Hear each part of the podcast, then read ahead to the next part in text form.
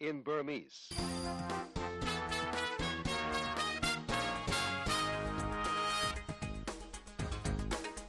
ညချမ်းပါမင်္ဂလာညချမ်းပါရှင် VOA American တန်ရဲ့2024ခုနှစ် February လ25ရက်တနင်္ဂနွေညချမ်း VOA မြန်မာပိုင်းစီစဉ်ကို American ပြည်ထောင်စု Washington DC ကနေစတင်ထုတ်လွှင့်နေပါပြီရှင်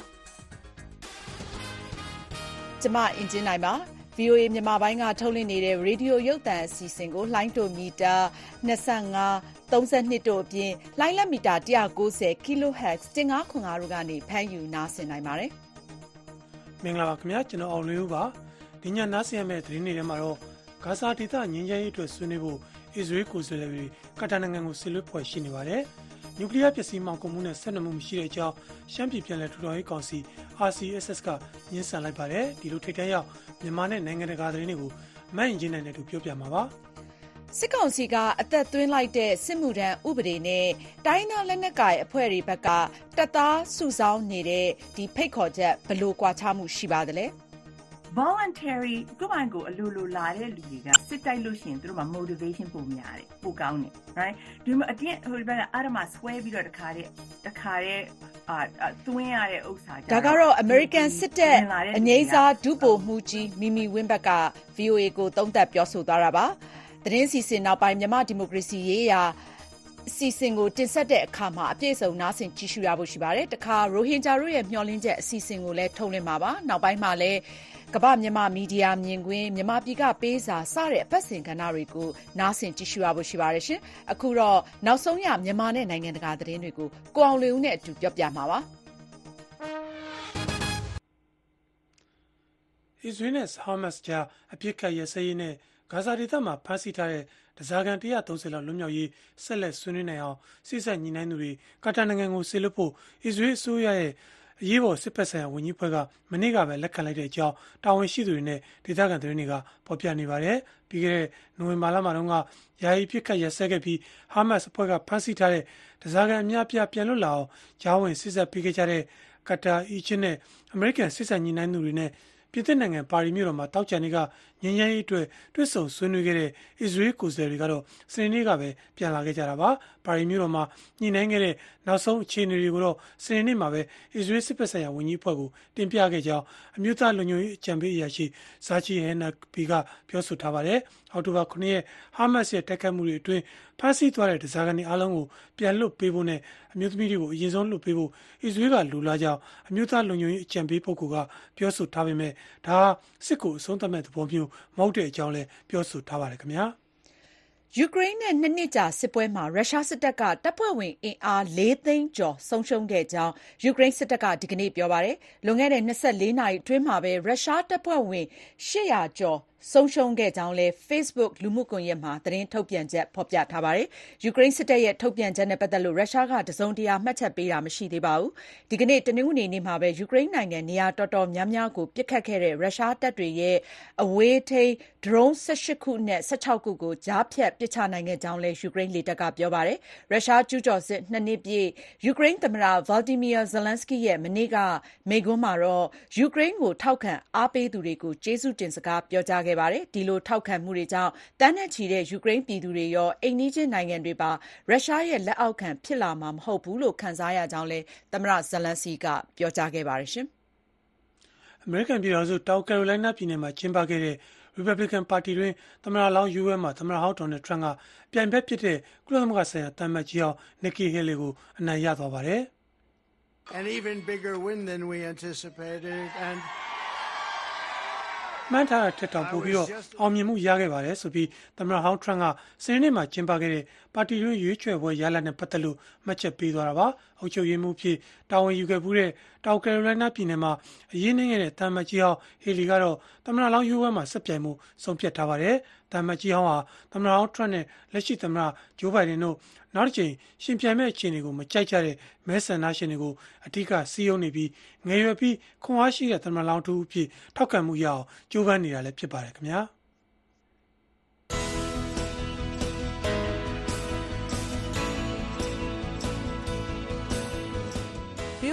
VOA American တန်ညဘက်မြန်မာဘာသာအစီအစဉ်တွေကိုညပိုင်း9:00နာရီကနေ10:00နာရီထိလိုင်းဒိုမီတာ19 kHz 1553ညလိုင်းဒိုမီတာ25 kHz 11803ညလိုင်းဒိုမီတာ32 kHz 9335တို့ဖြင့်စနေတနင်္ဂနွေမှာလိုင်းလမီတာ190 kHz 1505ကနေပြီးတော့ထုတ်လွှင့်ပေးနေပါတယ်ရှင်။ VOA American အသံမြန်မာရဲ့စီစဉ်ရဲ့ တနင်္ဂနွေနေ့ညဘက်သတင်းတွေကိုဆက်လက်နားဆင်နေရတာဖြစ်ပါတယ်။ဂျာကာလာမြို့သားညီညွတ်ရေးအစိုးရ NUG ရဲ့ချက်သမရနိုင်ငံဆိုင်ရာတာမတ်ကြီးဦးလင်းတန်ကိုအိုင်ယာလန်နိုင်ငံခြေစိုက်တန်တမာရေးအဖွဲ့ကဂုဏ်ထူးဆောင်ဆုချီးမြှင့်လိုက်ပါတယ်။မြန်မာနိုင်ငံမှာဆီယနာသိမ့်ပြီး၃နှစ်ကျော်ကာလမှာဒီမိုကရေစီရေးနဲ့မြန်မာပြည်သူတွေဂုဏ်သိက္ခာအတွက်ကြိုးပမ်းမှုတွေကြောင့်ဂုဏ်ထူးဆောင်ဆုချီးမြှင့်တာဖြစ်ကြောင်းဥရောပနဲ့နိုင်ငံတကာကတန်တမာရေးလုပ်ငန်းတွေကိုစောင့်ကြည့်ဖော်ပြနေတဲ့ Diplomacy in Ireland European Diplomat အဖွဲ့ကဒီနေ့ပဲကြေညာချက်ထုတ်ပြန်လိုက်တာပါမြန်မာပြည်သူတွေအကြောင်းဥရောပကနားလေသဘောပေါက်စေဖို့နဲ့ NUG ကိုလက်ခံအတိမတ်ပြုအောင်ဥရောပဒလွာကြိုးပမ်းမှုတွေအတွက်စုချီးမြှင့်တာလို့လည်းအေဒီတာချုပ်ဒေါက်တာ မိုက်ကယ်အိုဟာလီကကြေညာချက်မှာပြောဆိုထားတာပါမြန်မာနိုင်ငံမှာ2021ခုနှစ်ဖေဖော်ဝါရီလဆင်ရသိမ်းပြီးတဲ့နောက်ပိုင်းလွှတ်တော်ကိုယ်စားလှယ်တွေတက်ကြွလှုပ်ရှားသူတွေနဲ့ဖွဲ့စည်းထားတဲ့ NUG အစိုးရကိုတော့စစ်ကောင်စီကအကြမ်းဖက်လုပ်ရက်တွေနဲ့ဆက်နွယ်တယ်ဆိုပြီးဆွဆွဲထားပြီးတော့ကတမန်ရေးအရာအဆက်ဆံမလုပ်ဖို့လဲတိုက်တွန်းထားပါတယ်ဒါပေမဲ့လည်းအနောက်နိုင်ငံတွေအများစုပါဝင်ဒေသရင်းနိုင်ငံတချို့ကတော့ NUG နဲ့ထိတွေ့ဆက်ဆံမှုတွေရှိနေစေဖြစ်ပါတယ်ခင်ဗျာ နျူကလီးယားလက်နက်ထုတ်လုပ်နိုင်တဲ့ ယူရေနီယံနဲ့ ပလူတိုနီယံတွေကို ရောင်းချမှုနဲ့ ပတ်သက်ခဲ့ကြောင်း သတင်းတွေဟာ မှန်ကန်မှုမရှိကြောင်း ရှမ်းပြည်ပြန်လည်ထူထောင်ရေးကောင်စီ RCSS က ငြင်းဆန်လိုက်ပါတယ်။မြန်မာနိုင်ငံက နျူကလီးယားပစ္စည်းတွေကို မှောင်ခိုမှုနဲ့ ဆက်နွယ်ပြီး ဂျပန်ယာကူဇာဂိုဏ်းခေါင်းဆောင် Takashi Abisawa ကို အရေးယူလိုက်ကြောင်း ပြီးခဲ့တဲ့ သီတင်းပတ်က အမေရိကန်တရားရေးဌာနက ကြေညာခဲ့တဲ့အမှုမှာ မြန်မာတိုင်းရင်းသား လက်နက်ကိုင်အဖွဲ့တခု ပတ်သက်နေကြောင်း ဖော်ပြခဲ့တဲ့အပေါ်မှာ RCSS က တုံ့ပြန်လိုက်တာပါ။ရှမ်းသတင်းဌာန Thai Freedom ကို တုံ့ပြန်ထားတဲ့ RCSS ဥက္ကဋ္ဌယွတ်ဆက်ရဲ့ ပြောကြားချက်မှာတော့ လွန်ခဲ့တဲ့ နှစ်အနည်းငယ်လောက်က ရှမ်းပြည်နယ်မှာ ယူရေနီယံဓာတ်သတ္တုထွက်တယ်ဆိုတဲ့ သတင်းတွေကြောင့် ဝယ်ယူလိုကြောင်း နိုင်ငံခြားသားတဦးက ကမ်းလှမ်းခဲ့ဖူးတယ်လို့ ဆိုပါတယ်။ဒါပေမဲ့ သူ့အနေနဲ့ ဘယ်နေရာမှာ ယူရေနီယံတွေ ထွက်သလဲဆိုတာ တခါမှ ကြားဖူးခြင်းမရှိတဲ့အပြင် ယူရေနီယံအကြောင်းကိုလည်း လုံးဝမသိကြောင်း RCSS ဥက္ကဋ္ဌကို ကိုးကားဖော်ပြထားပါတယ်။အဆိုပါ နိုင်ငံခြားသားနဲ့လည်း အရောင်းအဝယ်လုပ်ခဲ့တာမျိုး မရှိခဲ့သလို နျူကလီးယားပစ္စည်း မှောင်ခိုမှုနဲ့ ဆက်နွယ်ကြောင်း သတင်းတွေဟာ နာမည်ဖျက်တဲ့ လုပ်ရပ်သာဖြစ်တယ်လို့လည်း တုံ့ပြန်ထားပါတယ်။ ကမ္ဘောဒီးယားနိုင်ငံမှာဒီကနေ့ကျင်းပပြီးစီးသွားတဲ့ထက်လွှတ်တော်ရွေးကောက်ပွဲမှာအာဏာရပါတီကအနိုင်ရကြောင်းကြေညာလိုက်ပါတယ်။ရွေးကောက်ပွဲအပြီးမှာပဲအာဏာရကမ္ဘောဒီးယားပြည်သူ့ပါတီ CPP ကကိုယ်စားလှယ်58နေရာမှာအနည်းဆုံး90အနိုင်ရကြောင်းပါတီပြောခွင့်ရပုဂ္ဂိုလ်ကကြေညာခဲ့တာဖြစ်ပါတယ်ခင်ဗျာ။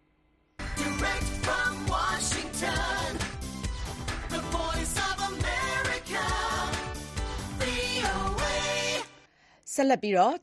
ဟင်ဂျာတို့ရဲ့ မျှော်လင့်ချက်အစီအစဉ်ကို တင်ဆက်မှာပါ။ရခိုင်ပြည်နယ်မှာ စစ်ကောင်စီတပ်နဲ့ရခိုင့်တပ်တော် AA ကြား စစ်ရေးပဋိပက္ခတွေ ပြင်းထန်လာတဲ့အတွက် ဒေသခံ ရခိုင်ပြည်သူတွေနဲ့ ရိုဟင်ဂျာမွတ်ဆလင်တွေ ဘေးလွတ်ရာကို ထွက်ပြေးတိမ်းရှောင်နေရပါတယ်။ဒီလို နောက်ဆုံးအခြေအနေတွေကို ရိုဟင်ဂျာတို့ မျှော်လင့်ချက်အစီအစဉ်ကနေ မဆုမွန်ကစုစည်းတင်ပြထားပါတယ်။ရခိုင်ပြည်နယ်မှာ ၂၀၂၃ ခုနှစ် နိုဝင်ဘာလ ၁၃ ရက်နေ့က တကျော့ပြန်စတင်ခဲ့တဲ့ စစ်ကောင်စီတပ်နဲ့ ရက္ခိုင့်တပ်တော် AA တို့ကြား တိုက်ပွဲတွေ၂၀၂၄ ခုနှစ် နှစ်ဆန်းပိုင်းမှာ အတော်လေး ပြင်းထန်ခဲ့ပါတယ်။စစ်ကောင်စီတပ်စခန်းတွေကို AA ဘက်က ဆက်တိုက်ဆိုသလို သိမ်းပိုက်နေချိန်မှာပဲ စစ်ကောင်စီဘက်ကလည်း မြေပြင် ရေပြင်နဲ့ ဝေဟင်ကပါ ပြင်းပြင်းထန်ထန် ထိုးစစ်ဆင် တိုက်ခိုက်ခဲ့တဲ့အတွက် ရခိုင်မြောက်ပိုင်းက ဒေသခံပြည်သူတသိန်းကျော် အိုးအိမ်စွန့်ခွာ ထွက်ပြေးကြရတဲ့အထဲ ဘူးသီးတောင် မောင်တောဘက်က ရိုဟင်ဂျာကျေးရွာတွေက ရိုဟင်ဂျာတွေလည်း ပါဝင်ပါတယ်။ ရွာလုံးကျွတ် အသက်လုပြေးနေကြရတဲ့ ရိုဟင်ဂျာတွေ အပါအဝင် ရခိုင်ဒေသခံ အရပ်သားပြည်သူတွေ သေကျေပျက်စီးမှု နည်းနိုင်သမျှ အနည်းဆုံးဖြစ်အောင် လုပ်ဆောင်ကြပါလို့ စစ်ကောင်စီတပ်ကိုရောရခိုင့်တပ်တော် အပါအဝင် လက်နက်ကိုင် တပ်ဖွဲ့တွေကို HRW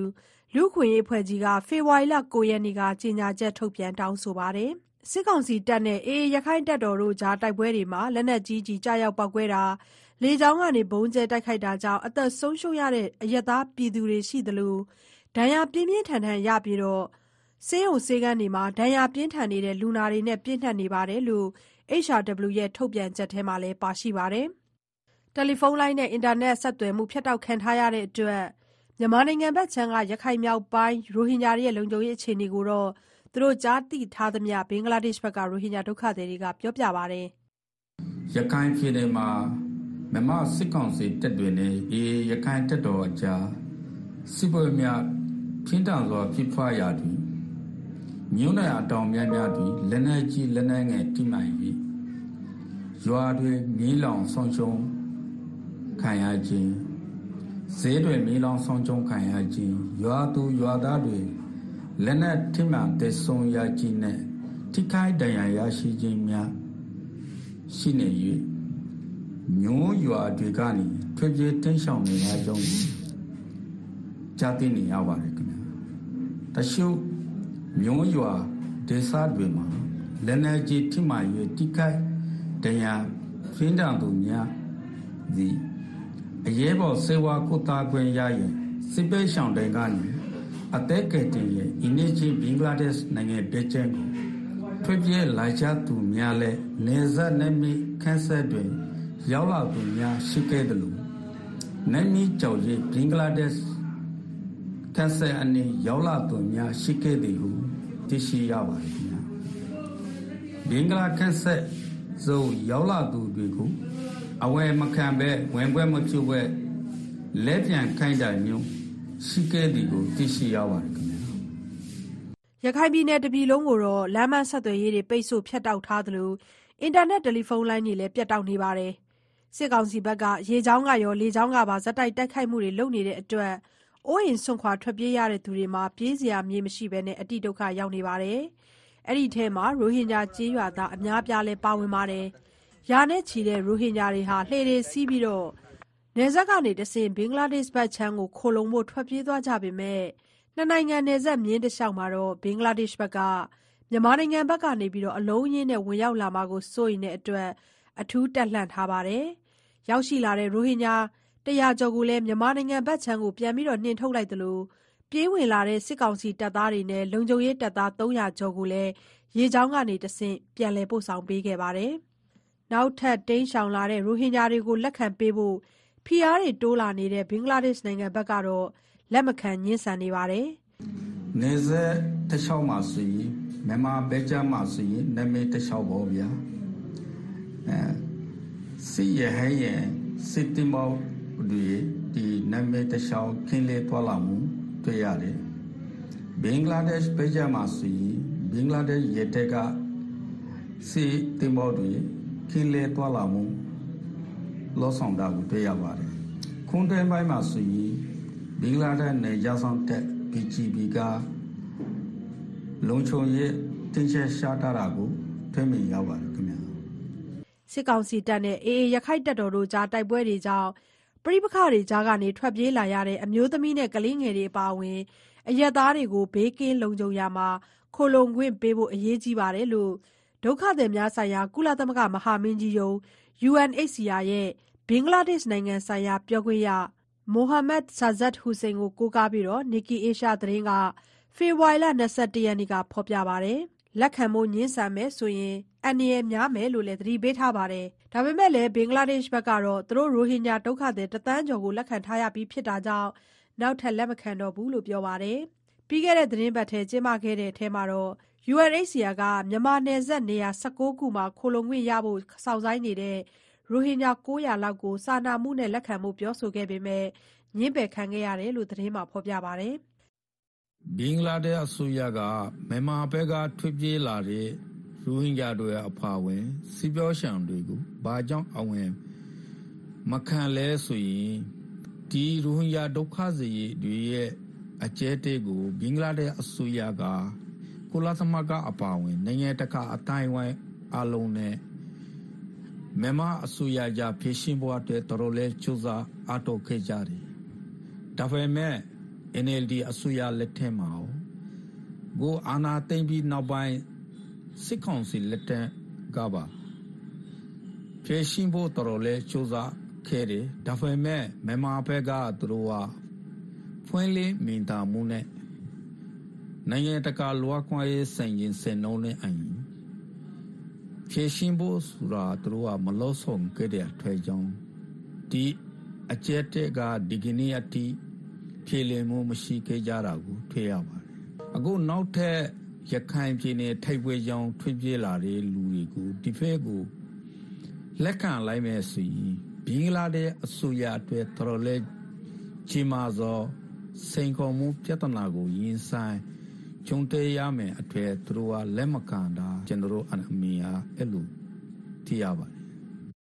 လောလောဆယ်မှာတော့ဘင်္ဂလားဒေ့ရှ်ဘက်ကိုလည်းပြေးလို့မရရခိုင်ထဲမှာလည်းပြေးဖို့နေရာမရှိ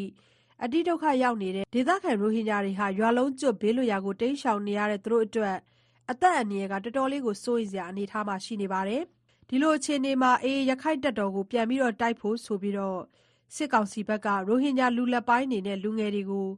စစ်သားအာဓမစုဆောင်းမှုတွေရှိနေတယ်လို့လည်းရိုဟင်ဂျာဒုက္ခသည်တွေကပြောပြပါတယ်။လက်တလောမှာတော့ရခိုင်မြောက်ပိုင်းကစစ်ဘေးရှောင်ရိုဟင်ဂျာတွေအတွက်စားဝတ်နေရေးနဲ့ဆေးဝါးအရေးပေါ်အကူအညီတွေလိုအပ်နေပေမဲ့ရခိုင်ပြည်နယ်တွင်းမှာလူသားချင်းစာနာမှုအကူအညီတွေပေးနေတဲ့ကုလသမဂ္ဂအဖွဲ့အစည်းနိုင်ငံတကာအဖွဲ့အစည်းနဲ့ NGO INGO အဖွဲ့တွေအတွက်လုံခြုံရေးကအထူးစိုးရိမ်နေရတဲ့အတွက်ဒေသတွင်းကလည်းအမြန်ပြန်ပြီးဆုတ်ခွာနေရတာကြောင့်သိန်းနဲ့ချီတဲ့စစ်ပြေးဒုက္ခသည်တွေကူညီကယ်ဆယ်ရေးက အရေးပေါ်လိုအပ်နေတဲ့အခြေအနေဖြစ်နေပါတယ်ရှင်။ မဆုမွန် တင်ဆက်ခဲ့တာပါ အခုတော့ မြန်မာဒီမိုကရေစီရေးရာ အစီအစဉ်ကို နားဆင်ကြည့်ရှုဖို့ အချိန်ရောက်ပါပြီ2020 2010ပြည့် စစ်မှုထမ်းဥပဒေကို စစ်ကောင်စီက အသက်သွင်းလိုက်တာနဲ့ တိုင်းရင်းသား လက်နက်ကိုင်အဖွဲ့တွေက တပ်သားသစ်စုဆောင်းမှုလူငယ်တွေကို ဖိတ်ခေါ်မှုတွေဟာတစ်ချိန်တည်း ဖြစ်ပေါ်နေပါတယ် အတင်းကျပ် စုဆောင်းတဲ့နီလန်အသုံးပြုတာနဲ့ဒီမိမိဆန္ဒအရာကိုယ်တိုင်ပါဝင်တာမျိုး ဘယ်လို ကွာခြားပါသလဲ အမေရိကန်မြန်မာ အရက်ဖက်စစ်ဖက် ဆက်ဆံရေး လေ့လာစောင့်ကြည့်နေသူ အမေရိကန်စစ်တပ် အငြိမ်းစား ဒုဗိုလ်မှူးကြီး ဒေါက်တာမီမီဝင်းဘတ်ကို Zoom ကနေ ဆက်သွယ်မေးမြန်းထားပါတယ်။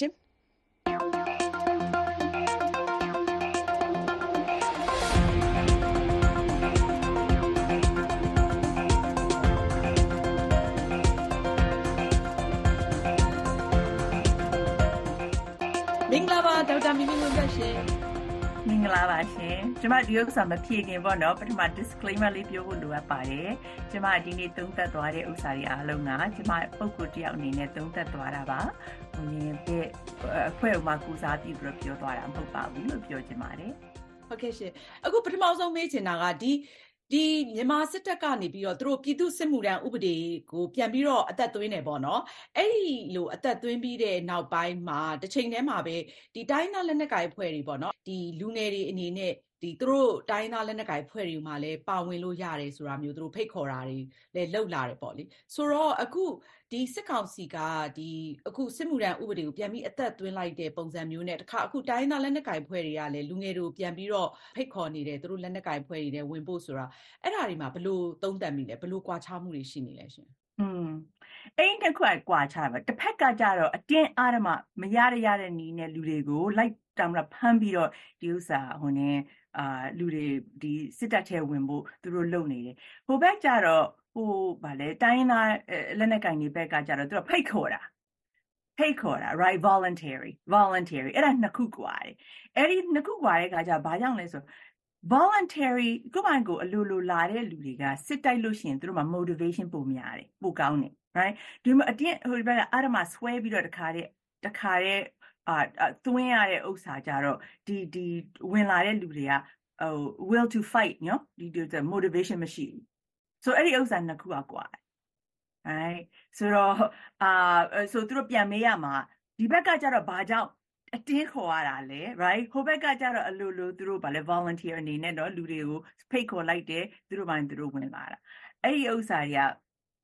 စဉ်းစားဖို့လိုအပ်တာပေါ့နော် ဟုတ်ကဲ့အဲ့တော့တစ်ဖက်မှာကျတော့အခုလိုတိုင်းသားလက်နက်ကိုင်ဖွဲ့တွေကလည်းဒီလိုစစ်ကောင်စီကသူတို့စစ်မှုထမ်းဥပဒေကိုပြဋ္ဌာန်းလိုက်တဲ့အကျိုးဆက်အနေနဲ့အခုလူငယ်တွေကတိုင်းပြည်ကနေမဖြစ်မနေထွက်ခွာဖို့လုပ်နေကြတယ်ထွက်လဲထွက်နေကြတယ်ပေါ့နော်လမ်းကြောင်းမျိုးစုံနဲ့အဲ့ဒီအချိန်မှာကသူတို့ကဒီလူငယ်တွေကိုဖိတ်ခေါ်တဲ့အနေအထားပေါ့နော်အဲ့ဒါလည်းတွေ့ရတဲ့ခါကျတော့ဟိုဒီတိုင်းသားလက်နက်ကိုင်ဖွဲ့တွေကအခုလိုလူငယ်တွေကိုသူတို့အဖွဲ့ထဲဝင်ဖို့ဖိတ်ခေါ်တဲ့အကြောင်းကြီးရောဘယ်လိုသုံးသပ်ပါလဲရှင် သူတို့အတွက် option ရပါတာပေါ့ you know စစ်တပ်ဒီလိုမျိုးလုပ်လိုက်တဲ့အခါမှာအာသူတို့လိုလို recruiting uh advertisement လိုမျိုးဒီဘက်ကဖြစ်သွားတယ်ဆိုတော့အဲကြောင့်မလို့သူတို့လာလို့ရှိရင်သူတို့ welcome လုပ်တယ်ဆိုတဲ့ဥစ္စာကလွတ်လွယ်လေးဖြစ်သွားတယ် right ဆိုတော့အဲ့ဒီဥစ္စာခုနကကျွန်မအရင်စောတွေကလည်းအစိုးရတွေကလည်းပြောတာလေဒီ policy ပေါ့နော်ဒီဒီ policy อ่ะစစ်မှုထမ်းဒီ policy ကနော်အဲ့ဒီဥစ္စာသူတို့ကိုပြန်ပြီးတော့ ရိုက်ခိုက်မှာလို့ပြောတာတယ်အဲအဲ့ဒီအတိုင်းပဲဖြစ်လာတယ်အဲ့ဒီအတိုင်းပဲဖြစ်လာတယ်ဆိုတော့အာဟိုအံ့ဩစရာမရှိဘူးလို့ကျွန်မပြောလို့ရတယ်တစ်ဖက်မှာကျတော့အခုဆိုရင်ဒီဟိုစစ်ကောင်စီကသူတို့ဒီစစ်မှုထမ်းဥပဒေကိုဟိုအသက်သွင်းတဲ့နေရာမှာသူတို့ပြောတဲ့အပိုင်းပေါ့လေဒါ အကြောင်းပြတဲ့တဲမှာလည်းတခြားနိုင်ငံတွေမှာလည်းဒီလိုမျိုးမဖြစ်မနေစစ်မှုထမ်းရတဲ့ဥပဒေမျိုးတွေရှိတယ်ပေါ့သူတို့ကြမှာလောက်တာမဟုတ်ဘူးပေါ့လေဆိုတော့အဲ့တော့ဒီလိုတခြားနိုင်ငံတွေမှာမဖြစ်မနေစစ်မှုထမ်းဥပဒေပြဋ္ဌာန်းလိုက်တဲ့အခြေအနေမျိုးအခုနောက်မြန်မာနိုင်ငံမှာစစ်ကောင်စီကဒီလိုစစ်မှုထမ်းဥပဒေကိုအသက်သွင်းလိုက်တဲ့အခြေအနေအဲ့ဒါတွေကရောဘယ်လိုကွာခြားမှုတွေရှိလဲရှင်အဲကွာခြားမှုရနှစ်ချက်သုံးချက်လောက်ရှိတယ်ပထမတစ်ခုကကြတော့ဒီတခြားနိုင်ငံမှာရှိနေတဲ့ဥပဒေတွေဒီလိုမျိုးဥပဒေတွေက ပြည်ပကဟိုမင်းလာပြီးတော့ကိုယ်လာတိုက်ဖို့အတွက်ကိုပြန်ပြီးတော့ခုခံဖို့အတွက်တော်တော်လှန်ဖို့အတွက်လုပ်တာတယောက်နဲ့တယောက်နဲ့ကိုဟိုနင်းပါလေပြည်ထဲနဲ့မှပြည်ပြည်တွင်းနဲ့မှတယောက်နဲ့တယောက်ကိုဖိနှိပ်ဖို့လုပ်တဲ့ဥစ္စာမဟုတ်ဘူး right ဆိုစစ်တပ်ကအခုအချိန်မှာသူတို့ကဒီဥစ္စာကိုသုံးထားတာကပြည်သူပြည်သားကိုနှိပ်ကွပ်ဖို့ right ပြည်သူပြည်သားတွေနှိပ်ကွပ်ဖို့ဆိုအဲ့ဒါတစ်ခုပွားချင်နောက်တစ်ခုကကြတော့ဟိုအာအာဒီဒီ ဟိုတခြားနိုင်ငံတွေမှာလောက်ထားတဲ့ဥစ္စာကဥပဒေနဲ့ကိုက်ညီတဲ့အစိုးရကဟိုနေဟိုနေလောက်တာเนาะအဲ့ဒါချတာဒီအခုက SAC ပေါ့နော်စကားစကဥပဒေမဲ့အဖွဲ့တခု military junta တခုဖြစ်နေဆိုတော့သူတို့လုတ်တဲ့ဥစ္စာတွေအားလုံးကဥပဒေနဲ့မကိုက်ညီတဲ့ဥစ္စာတွေဖြစ်နေတယ်။နံပါတ်3ကြတော့ ဘိုးနဲ့ဒီလိုမျိုးဥပဒေတွေဒီလိုမျိုးထွက်လာအာဒီလိုမျိုးတခြားနိုင်ငံတွေမှာထွက်လာလို့ရှိရင်ကျမတို့ US မှာဆိုလို့ရှိရင်ပေါ့နော် World War 2မှာတော့အဲ့ဒီဥစ္စာထွက်တာထွက်ပေမဲ့လူတွေကအရန်ပဲ volunteer အဲ့ဒီဥစ္စာကိုတက်တက်ကြွကြွနဲ့လိုက်ပါဝင်ပေးတယ်ဒီဘက်ကကြတော့တက်တက်ကြွကြွမရှိဘဲနဲ့အမှန်အမှန်မှာအတင်းအတင်းတခါတည်းဗာလဲလူတွေဖမ်းပြီးတော့မှတွင်းနေရတာ right ဆိုတော့အဲ့ဒီဥစ္စာအကွာချိုက်ဘာကြောင့်အဲ့လိုဖြစ်လဲဆိုတော့ဒီဘက်ကစစ်တပ်က professional မဟုတ်လို့ နော်စစ်တပ်ကသူတို့ပြည်သူလူထုရဲ့ထောက်ထောက်ခံမှုမရှိတော့လို့ right အဲ့ဒါကြောင့်မလို့သူတို့အဲ့လိုမျိုးအတင်းအားရမှ force သုံးပြီးတော့လူတွေကိုဆွဲခေါ်နေရတာ right ဆိုအဲ့ဒီဥစ္စာအနည်းဆုံးဒီသုံးအာကွာခြားတာရှိတယ်လို့ပြောလို့ရတယ်ဟိုစစ်ကောင်စီကအကြောင်းပြတာကတော့ဟိုဒီတည်င်းမီဒီယာတွေဘက်ကပေါ့နော်မှန်မှန်မကန်ဟိုသတင်းတွေထုတ်လွှင့်နေသူတို့စစ်မှုတန်းဥပဒေကိုပြဋ္ဌာန်းတဲ့နေရာမှာဒါသူတို့ကတခါတည်းဟိုအသက်သွင်းတဲ့နေရာမှာပေါ့နော်သူတို့တခါတည်းဟိုဖော်ပြထားပြီးသားပေါ့လေအဲအစင်းလိုက်သွားမှာဖြစ်တဲ့မြေစစ်မြေပြင်ကိုလည်းမလွတ်ခင်မှာသူတို့သင်တန်းတွေအရင်ပေးမှာဖြစ်တယ်လို့ဒီပညာဒီတက်တဲ့အပေါ်မှာလည်းသူတို့တွေကဟိုပိုင်းခြားပြီးတော့ပေါ့နော်အစင်းလိုက်ကိုသူတို့ခွဲခြားပြီးတာဝန်ပေးမှာဖြစ်တယ်လို့ဘာလို့ပေါ့နော်သူတို့ပြန်ပြီးတော့ပြောဆိုတာလည်းရှိတယ်တစ်ဖက်မှာလည်းလူငယ်တွေကဒီစစ်တပ်ကသူတို့ကိုလူသားတိုင်းဖြစ်စစ်မြေပြင်မှာအသုံးချမအောင်လဲစိုးရိမ်နေတယ်လို့အထူးသဖြင့်ဒီဥပဒေကြောင့်ပေါ့လေသူတို့လမ်းသွားလမ်းလာလုပ်ရင်တောင်မှမှသူတို့ချိန်မွေးကိုဖမ်းဆီးပြီးတော့စစ်မြေပြင်ကိုပို့မလားဆိုတဲ့စိုးရိမ်မှုတွေလည်းရှိနေတယ်ဆိုတော့အဲ့ဒါဘာကြောင့်အဲ့လိုကွာနေတာလဲရှင်ဒီอืมဒီစိုးရိမ်မှုတွေကဘာကြောင့်လဲဆိုတော့တကယ်တကယ်သတင်းတွေဖြစ်နေတာတကယ်သူတို့ kidnapping you know ဆွဲနေကြတာ right သူတို့အပြင်သွားဒီအများကြီးပဲဒီလိုမျိုး report တွေအများကြီးပဲထွက်လာပြီဒီဥစ္စာ fake news မဟုတ်တကယ်မြန်မာနိုင်ငံထဲမှာနေတဲ့လူတွေက ဒီဒီလူမျိုးတွေပြောနေကြတာဟိုလူပျောက်သွားပြီဒီလူပျောက်သွားပြီဟိုဆွဲဟိုလူဆွဲခံထိပြီဒီလူဆွဲခံထိပြီဆိုတော့အဲ့ဒီဥစ္စာကဒါကြောင့်မလို့ကလေးတွေကစိတ်ပူနေတာ right သူတို့စိတ်ပူစရာလည်းရှိတယ်နောက်တစ်ခုကြတော့စစ်တပ်ကခုနပြောသလိုပဲ professional စစ်တပ်မဟုတ်တော့လို့အတွက် right ဘယ်သူမှမဝင်ကျင်ဘူးတကယ်လို့ဒီစစ်တပ်က professional ဖြစ်မယ်တကယ်စစ်တပ်ကတကယ်နိုင်ငံကိုကာကွယ်ပေးနေတဲ့စစ်တပ် ဖြစ်တယ်ဆိုလို့ရှိရင်လူတွေဝင်သူတို့က voluntarily ပေါ့နော်အလိုလိုဝင်လိုက်မယ်ဒီလိုမျိုးလိုက်ပြီးတော့ဖန်ဆီးပြီးတော့လုပ်ရတယ်ဆိုရက်ဆိုတာနဲ့ဒီဒီဒီဒီဥစ္စာရာဇဝတ်ဂိုင်းရဲ့လုံမျိုးလုံနီလုံဟန်နေပေါ့နော်ဒါ human trafficking အော်ဟိုဗာလဲရာဇဝတ်ဂိုင်းနေလုတ်တဲ့လုံနီလုံဟန်နေနောက်ပြီးတော့အာအဲ့ဒီကအဲ့လိုမျိုးလောက်ရတယ်ဆိုတဲ့ကရှုံးသွားပြီ လောက်ရတယ်ဆိုတဲ့ကရှုံးသွားပြီဘာလို့ဆိုအာယုံကြည်မှုမရှိလို့ပြည်သူလူထုရဲ့ယိုသိမှုမရှိလို့ပြည်သူလူထုရဲ့လက်ခံမှုမရှိလို့ဆိုဆိုဒေါက်တာမီမီဝင်းဘတ်ပြောသွားတဲ့ထဲမှာ professional army ပေါ့နော်ဒီစစ်တပ်ကတကယ်ကိုအရေးချင်းပြည့်မီတဲ့ဟိုနိုင်ငံတကာအဆင့်မီတဲ့ဟိုစစ်တပ်မျိုးဖြစ်ဖို့ဆိုလို့ရှိရင်ပေါ့လေဒီဒီစစ်သားစုဆောင်တဲ့အပိုင်းမှာဘလို့လိုက်နာကျင့်သုံး ကြလဲရှင်ဥပမာဆိုရင်တိုင်းသားလက်နက်ကိုင်ဖွဲ့တွေကလည်းအခုသူတို့စစ်သားစုဆောင်ရေးတွေလောက်ရလောက်လာတဲ့နေရာမှာတချို့လူခွေရေးအဖွဲ့အစည်းတွေကထောက်ပြတာတွေလည်းရှိတယ်အတင်းအဓမ္မဟိုသူတို့နယ်မြေတွေမှာလည်းဟိုစစ်သားစုဆောင်တာမျိုးတွေပေါ့နော်ရှိနေတာဆိုမျိုးဆိုပြီးတော့ထောက်ပြရလည်းရှိတော့တကယ်အဲ့လိုအရေးချင်းပြင်းပြီးတဲ့ဒီလက်နက်ကင်တက်ဒီစစ်တပ်အနေနဲ့ဆိုရင်ဘလို့ပုံစံမျိုးသူတို့စစ်သားစုဆောင်ရေးမှာလိုက်နာကျင့်သုံးနေရှိလဲရှင်อืม ဟိုဒီ EAO တွေပေါ့နော်တကယ်အဲ့လိုမျိုးစစ်တပ်လိုမျိုးလိုက်ပြီးတော့ copy လုပ်ပြီးတော့ဒီလိုမျိုးလုပ်တယ်ဆိုလို့ရှိရင်သူတို့လည်းစစ်တပ်ရဲ့လိုမျိုးပဲဖြစ်လိမ့်မယ်။ဘာလို့ဆိုဒီဥစ္စာ fail strategy ဒီဥစ္စာကမအောင်မြင်တဲ့လုံနီလုံရန်တခု right သူတို့ကိုလည်းပြန်လာခိုက်လိမ့်မယ်ဆိုတော့အဲ့ဒါလုပ်ဖို့လုံးဝမသင့် right အခုအချိန်မှာလူတွေက ဒီဒီအဖွဲ့အစည်းကကိုယ်ရိုသေစွာကိုကို you know အာကိုကို take care လုပ်မယ်နောက်ပြီး professional ရှိတယ်ဆိုလို့ရှိရင်ကိုဒီအဖွဲ့ကိုလူတွေကအလိုလိုလာ join လုပ်လိမ့်မယ် right ဘာလို့ဆိုတော့သူတို့မှာ motivation ရှိတယ်ဒီဥစ္စာကိုပြန်တော်လာမှုဆိုအဲ့ဒါလုံးအဲ့လိုမျိုးအတင်းအားရမလှုပ်လာပြီဆိုတဲ့ကအဲ့ဒီဥစ္စာရှုံးဖို့ဒီဥစ္စာနီလန်းဖြစ်သွားပြီ right ဆိုတော့ကျမပြောချင်တာအာဒီဒီတကယ် ကိုအဖွဲ့အစည်းကိုလာပြီးတော့ join voluntarily join လုပ်မယ်လုပ်ချင်တယ်ဆိုလို့ရှိရင်ကိုယ့်ရဲ့အဖွဲ့အစည်းကကိုဝင်လာတဲ့လူတွေကို take care လုပ်ရမယ် right take care right နောက်ပြီးသူတို့ကိုမှန်မှန်ကန်ကန်ဆက်ဆံရမယ်နောက်ပြီးသူတို့ volunteer လုပ်လေလေပိုကောင်းလေ volunteer so you ဟိုခုနကျမပြောမယ်ဟိုဗာလဲရုရှားမှာရုရှားမှာသိတယ်မလားရုရှားကပူတင်ကအရန် popular ဖြစ်တဲ့ president ရုရှားတဲ့ right ဒါပေမဲ့သူဒီဒီဒီအာစစ်မှုရန် policy ကို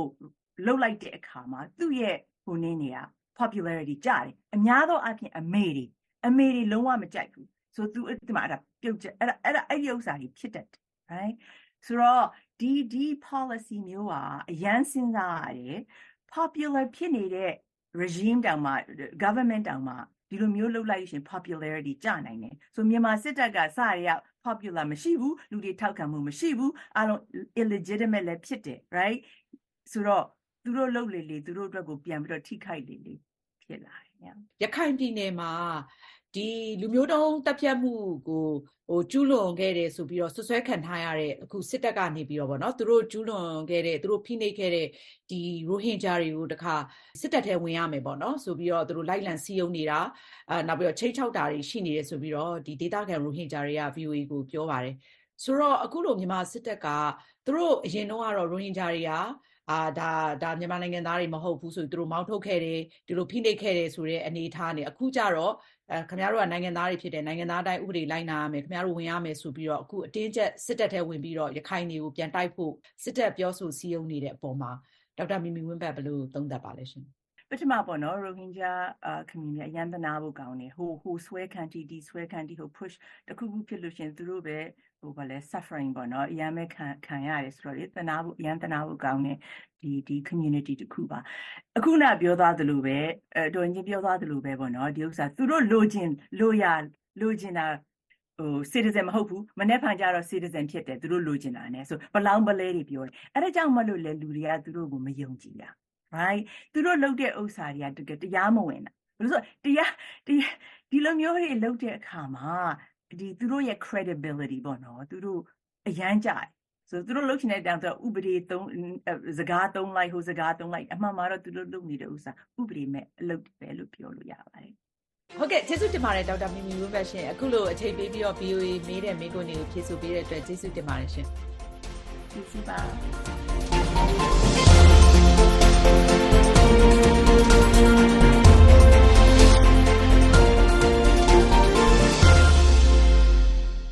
ဒါကတော့ တနင်္ဂနွေညချမ်းတိုင်း တင်ဆက်နေတဲ့ မြမဒီမိုကရေစီရေးရာ အစီအစဉ်ပါရှင်။ VOA အစီအစဉ်တွေကို Radio ရုပ်မြင်သံကြားတို့အပြင် YouTube စာမျက်နှာကနေလည်း နားဆင်ကြည့်ရှုနိုင်ပါတယ်။ VOA မြန်မာပိုင်း YouTube စာမျက်နှာလိပ်စာကတော့ youtube.com/voaburmese ဖြစ်ပါတယ်။ ဆက်လက်ပြီးတော့ အပတ်စဉ်ကဏ္ဍတွေကို တင်ဆက်မှာပါ။ကျမတို့ VOA မြန်မာပိုင်းက ထုတ်လွှင့်နေတဲ့ အစီအစဉ်တွေကိုလည်း Facebook နဲ့ YouTube စာမျက်နှာဖြစ်တဲ့ VOA Burmese News မှာလည်း အချိန်မရွေး နားဆင် ကြည့်ရှုနိုင်ကြပါတယ်ရှင်။ပထမဦးဆုံးတော့ ကမ္ဘာမြန်မာမီဒီယာမြင်ကွင်း အစီအစဉ်ကို တင်ဆက်မှာပါ။ မြန်မာနိုင်ငံတွင်းက စစ်ရေးအခြေအနေတွေကြောင့် တော်လှန်ရေးအင်အားစုတွေအပေါ် အိမ်နီးချင်းနိုင်ငံတွေ၊ဒေသတွင်းနိုင်ငံတွေနဲ့ နိုင်ငံတကာရဲ့ သဘောထားအမြင်တွေ ပြောင်းလဲလာတာတွေ့ရပါတယ်။အဲဒီလို ပြောင်းလဲလာတဲ့ နိုင်ငံတကာအခြေအနေတွေကို အသုံးချနိုင်ဖို့အတွက် နိုင်ငံတကာရောက် မြန်မာတွေ၊အထူးသဖြင့် အမေရိကန်ရောက် မြန်မာတွေရဲ့ အခန်းကဏ္ဍ အရေးပါတဲ့အကြောင်း ကမ္ဘာမြန်မာမီဒီယာမြင်ကွင်းကဏ္ဍမှာ ဆောင်းပါးရှင် ပြည်သွေးနိုင်နဲ့အတူ အလိမ္မာက တင်ဆက်မှာပါ။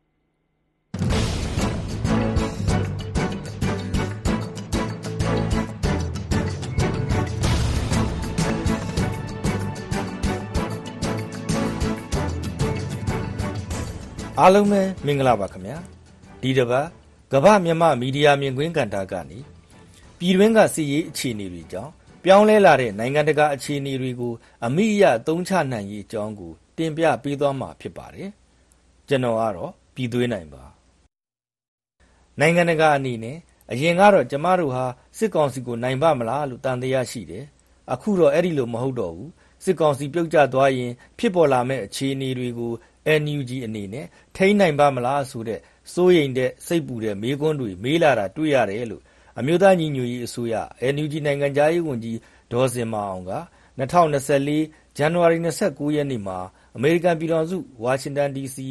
NUG ရုံးမှာ ပြုလုပ်တဲ့ မြန်မာအသိုင်းအဝိုင်းနဲ့ တွေ့ဆုံပွဲမှာ ပြောကြားခဲ့ပါတယ်။ဒေါ်ဇင်မာအောင် ဆိုလိုတာက စစ်ကောင်စီဟာ ရှုံးနိမ့်နေပြီ။တော်လှန်ရေးအင်အားစုတွေကို မနိုင်နိုင်တော့ဘူး တော်လှန်ရေးအင်အားစုတွေကသာ စစ်ကောင်စီကို အနိုင်တိုက်နိုင်တော့မယ်ဆိုတာ နိုင်ငံတကာက လက်ခံလာတဲ့ အနေအထားကို ရောက်လာပြီဆိုတဲ့သဘော ဖြစ်ပါတယ်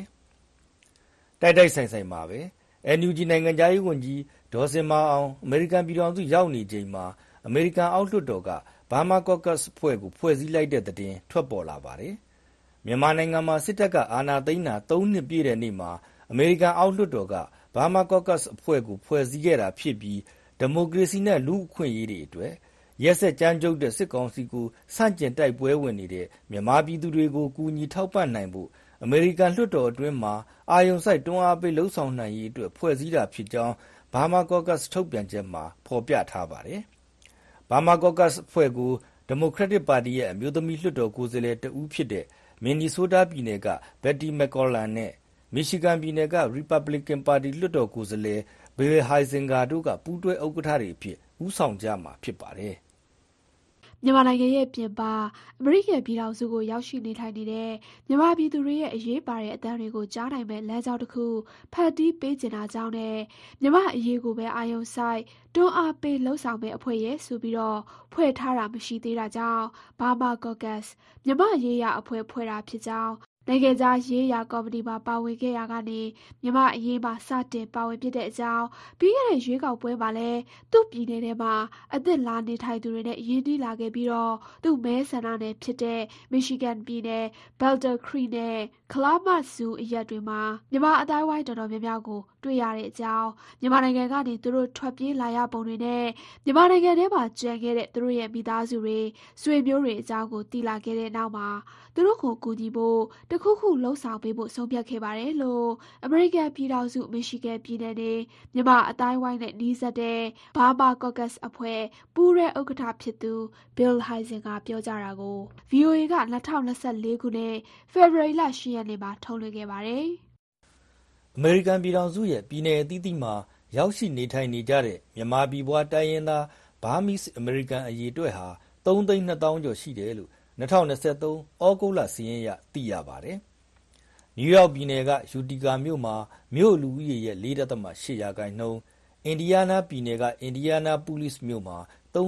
၅ ရာခိုင်နှုန်း၊မင်နီဆိုးတားပြည်နယ်ကစိန့်ပေါလ်မြို့မှာ ၃.၁ ရာခိုင်နှုန်းနဲ့ Burma Caucus အဖွဲ့ ပူးတွဲဥက္ကဋ္ဌ Bill Huizenga ရဲ့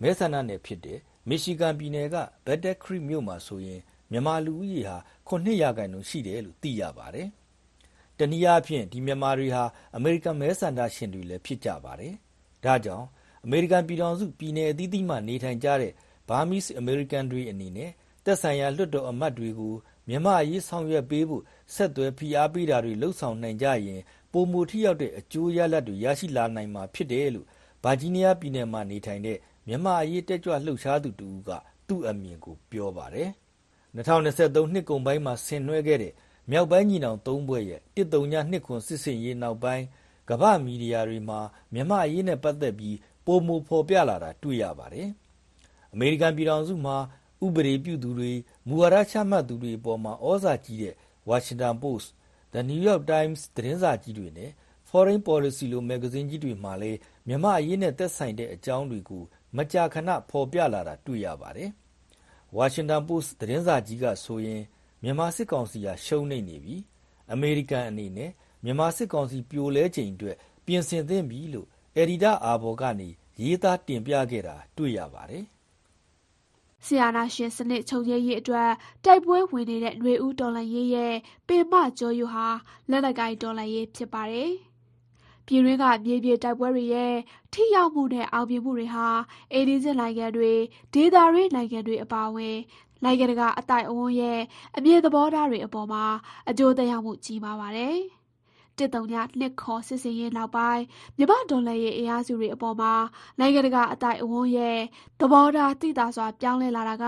ထင်ရှားတဲ့ သာဓကတစ်ခုပါ။ အရေးကြီးတာကပြည်တွင်းကစစ်ရေးအခြေအနေတွေကြောင့်သဘောထားပြောင်းလာတဲ့နိုင်ငံတကာအနေအထားကိုအမိအရအသုံးချနိုင်ရေးဖြစ်ပါတယ်။အထူးသဖြင့်သူမပါရင်မပြီးကမ္ဘာ့အင်အားကြီးဦးဆောင်နိုင်ငံကြီးဖြစ်တဲ့အမေရိကန်အနေနဲ့မြန်မာ့အရေးပေါ်အလေးထားအာရုံစိုက်မှုနဲ့ထိထိရောက်ရောက်ကူညီရေးဖြစ်ပါတယ်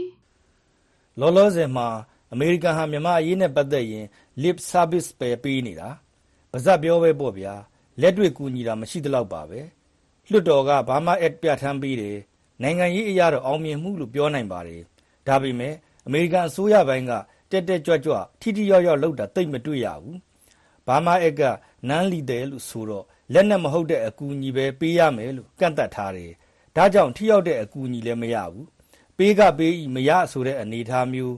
ဘာမှအက်ကြောင့် တရုတ်ရဲ့အညိုအညင်ခံရတာပဲရှိတယ်။ဒီတော့ မြမရေးမှာ အစိုးရပိုင်းက ထိထိရောက်ရောက်ဖြစ်အောင်လှုပ်လာဖို့ ကူညီလာစေဖို့ဆိုရင် လွှတ်တော်ဘက်ကနေတဆင့် အစိုးရကို ဖိအားပေးဖို့ လိုအပ်ပါတယ်။အဲဒီလို မြန်မာနွယ်ဖွား အမေရိကန်တွေအနေနဲ့ မိမိတို့ရဲ့ သက်ဆိုင်ရာ လွှတ်တော်အမတ်တွေကို ဆက်သွယ်ဖိအားပေးကြတဲ့အခါ ပြည်နယ်တွေအချင်းချင်း ချိတ်ဆက်ပြီး ပြောဆိုတင်ပြတဲ့ အကြောင်းအရာတွေဟာ အခြေခံအားဖြင့် တူညီဖို့ တသံတည်းထွက်ကြဖို့နဲ့ဒီဇိုင်းမတ်မတ်လှုပ်ဆောင်ကြဖို့လည်း လိုအပ်ပါတယ်။အဲ့ဒါမှသာ ထိရောက်တဲ့အရွေးတစ်ခု ပေါ်ပေါက်လာမယ်လို့ ယူဆတဲ့အကြောင်း နိုင်ငံရေးလေ့လာသူတဦးက ပြောပါတယ်။ နိုင်ငံရေးလေ့လာသူတဦးပြောသလိုပါပဲအမေရိကန်လွှတ်တော်ကချမှတ်တဲ့ဥပဒေတရပ်အပေါ်အစိုးရကအကောင့်တွေဖော်တဲ့နေရာမှာလွှတ်တော်ကပဲစောင့်ကြည့်ဖိအားပေးလိရှိပါတယ်ဒီနေရာမှာလွှတ်တော်အမတ်တွေနဲ့ထိစပ်နေတဲ့အမေရိကန်ပြည်နယ်အသီးသီးကမဲဆန္ဒရှင်မြန်မာနွယ်ဘွားအမေရိကန်တွေရဲ့အခမ်းကဏ္ဍကအရေးပါလာတယ်လို့ဆိုရမှာပါခင်ဗျာ။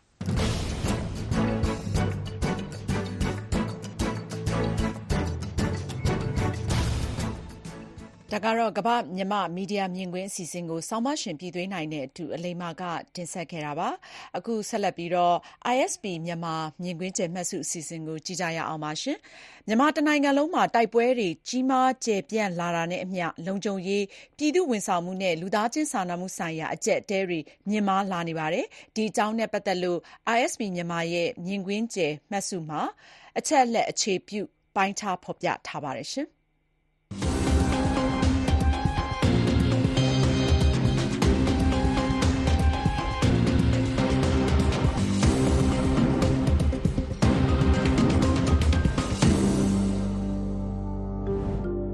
အာနာသိမ့်မှုအလွန်၃နှစ်တာကာလအတွင်း ISP မြန်မာရဲ့လေးလာစောင့်ကြည့်မှုတွေအရလုံခြုံရေးဆိုင်ရာပြင်းထန်တက်ရောက်မှုပိုပြီးမြင့်မားလာနေပါတယ်။အခုနှစ်ဖေဖော်ဝါရီလမှာလုံခြုံရေးဆိုင်ရာပြင်းထန်တက်ရောက်မှုမြင့်မားနေတဲ့မြို့နယ်154မြို့နယ်အထိရှိလာပါတယ်။2023ခုနှစ်နိုဝင်ဘာလမှာရှိခဲ့တဲ့141မြို့နယ်ကနေမြင့်တက်လာတာပါ။ဒါဟာတနိုင်ငံလုံးရဲ့မြို့နယ်ထောက်ဝက်လောက်မှာ လုံခြုံရေးဆိုင်ရာပြင်းထန်သက်ရောက်မှုတွေမြင့်မားနေတဲ့အခြေအနေဖြစ်ပါတယ်။စကိုင်းနဲ့ရှမ်းမှာအဆိုးအဆုံးဖြစ်ပြီးတော့စကိုင်းတိုင်းမှာ29မြို့နယ်နဲ့ရှမ်းပြည်နယ်မှာ24မြို့နယ်အသီးသီးရှိနေပါတယ်။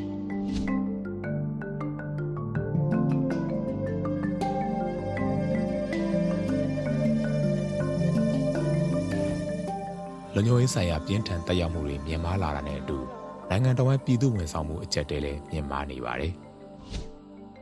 အခုနှစ်ဇန်နဝါရီလမှာနိုင်ငံတော်ရဲ့ပြည်သူ့ဝန်ဆောင်မှုလုပ်ငန်းတွေမလဲပတ်နိုင်တဲ့မြို့နယ်ပေါင်း84ခုအထိရှိလာပါတယ်။။ဒါကြောင့်နိုင်ငံတော်ဝန်မြို့နယ်၄ခုမှာတစ်ခုကပြည်သူဝန်ဆောင်မှုအကြက်တဲနဲ့ရင်ဆိုင်နေရတယ်လို့ဆိုရမှာပါ။စကိုင်းတိုင်းကအများဆုံးရင်ဆိုင်နေရပြီးမြို့နယ်16ခုမှာပြည်သူဝန်ဆောင်မှုလုပ်ငန်းတွေမလည်ပတ်နိုင်ပါဘူး။ရခိုင်ပြည်နယ်မှာလည်းမြို့နယ်18ခုရှိတဲ့အနက်12ခုမှာပြည်သူဝန်ဆောင်မှုအကြက်တဲကြုံနေပါတယ်။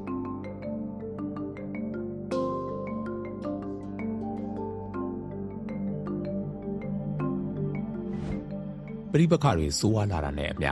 မြန်မာလူထုအတွက်လူသားချင်းစာနာမှုအကြက်တဲဟာလည်းစိုးသက်ထက်ဆိုးလာပါတယ်။2023ခုနှစ်နိုဝင်ဘာလမှာလူသားချင်းစာနာမှုဆိုင်ရာအကြက်တဲရင်ဆိုင်နေရတဲ့မြို့နယ်ပေါင်း45ခုအထိရှိခဲ့ပါတယ်။အခုနှစ်ဇန်နဝါရီလမှာတော့မြို့နယ်62ခုအထိတိုးလာပါတယ်။စကိုင်းတိုင်းရဲ့22မြို့နယ်မှာအဆိုးအဝါဆုံးကြုံနေရတာပါ။ရခိုင်နဲ့ချင်းပြည်နယ်တွေရဲ့မြို့နယ်9ခုစီမှာလည်း ဒီအကြက်တဲကိုရင်ဆိုင်နေရပြီးဒုတိယအများဆုံးဖြစ်ပါတယ်။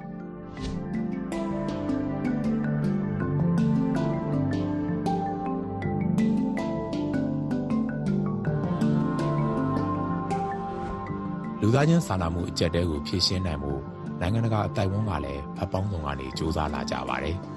။ထိုင်းမြန်မာနယ်စပ်မှာလူသားချင်းစာနာမှုဆိုင်ရာဘေးကင်းဆောင်တစ်ခုကိုတိစောက်သွားမယ်လို့အခုလဆန်းပိုင်းမှာထိုင်းနိုင်ငံသားရေးဝန်ကြီးကပြောခဲ့ပါတယ်။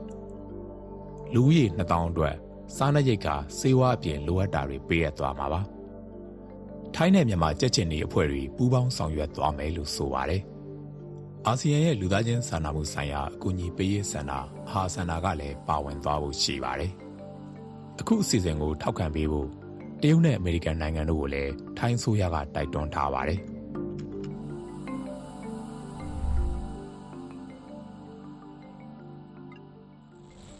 ဒါကတော့ အပတ်စဉ်တင်ဆက်နေကြ ISP မြန်မာ မြင်ကွင်းကျယ်မှတ်စု အစီအစဉ်ပါရှင်တနင်္ဂနွေညချမ်း VOA မြန်မာပိုင်း အစီအစဉ်တွေကို Washington DC ကနေ တိုက်ရိုက် ထုတ်လွှင့်နေပါတယ် အခုတော့ မအေးသနာကျော်ရဲ့ မြန်မာပြည်ကပေးစာ အစီအစဉ်ကို နားဆင်ကြည့်ရှုကြရအောင်ပါ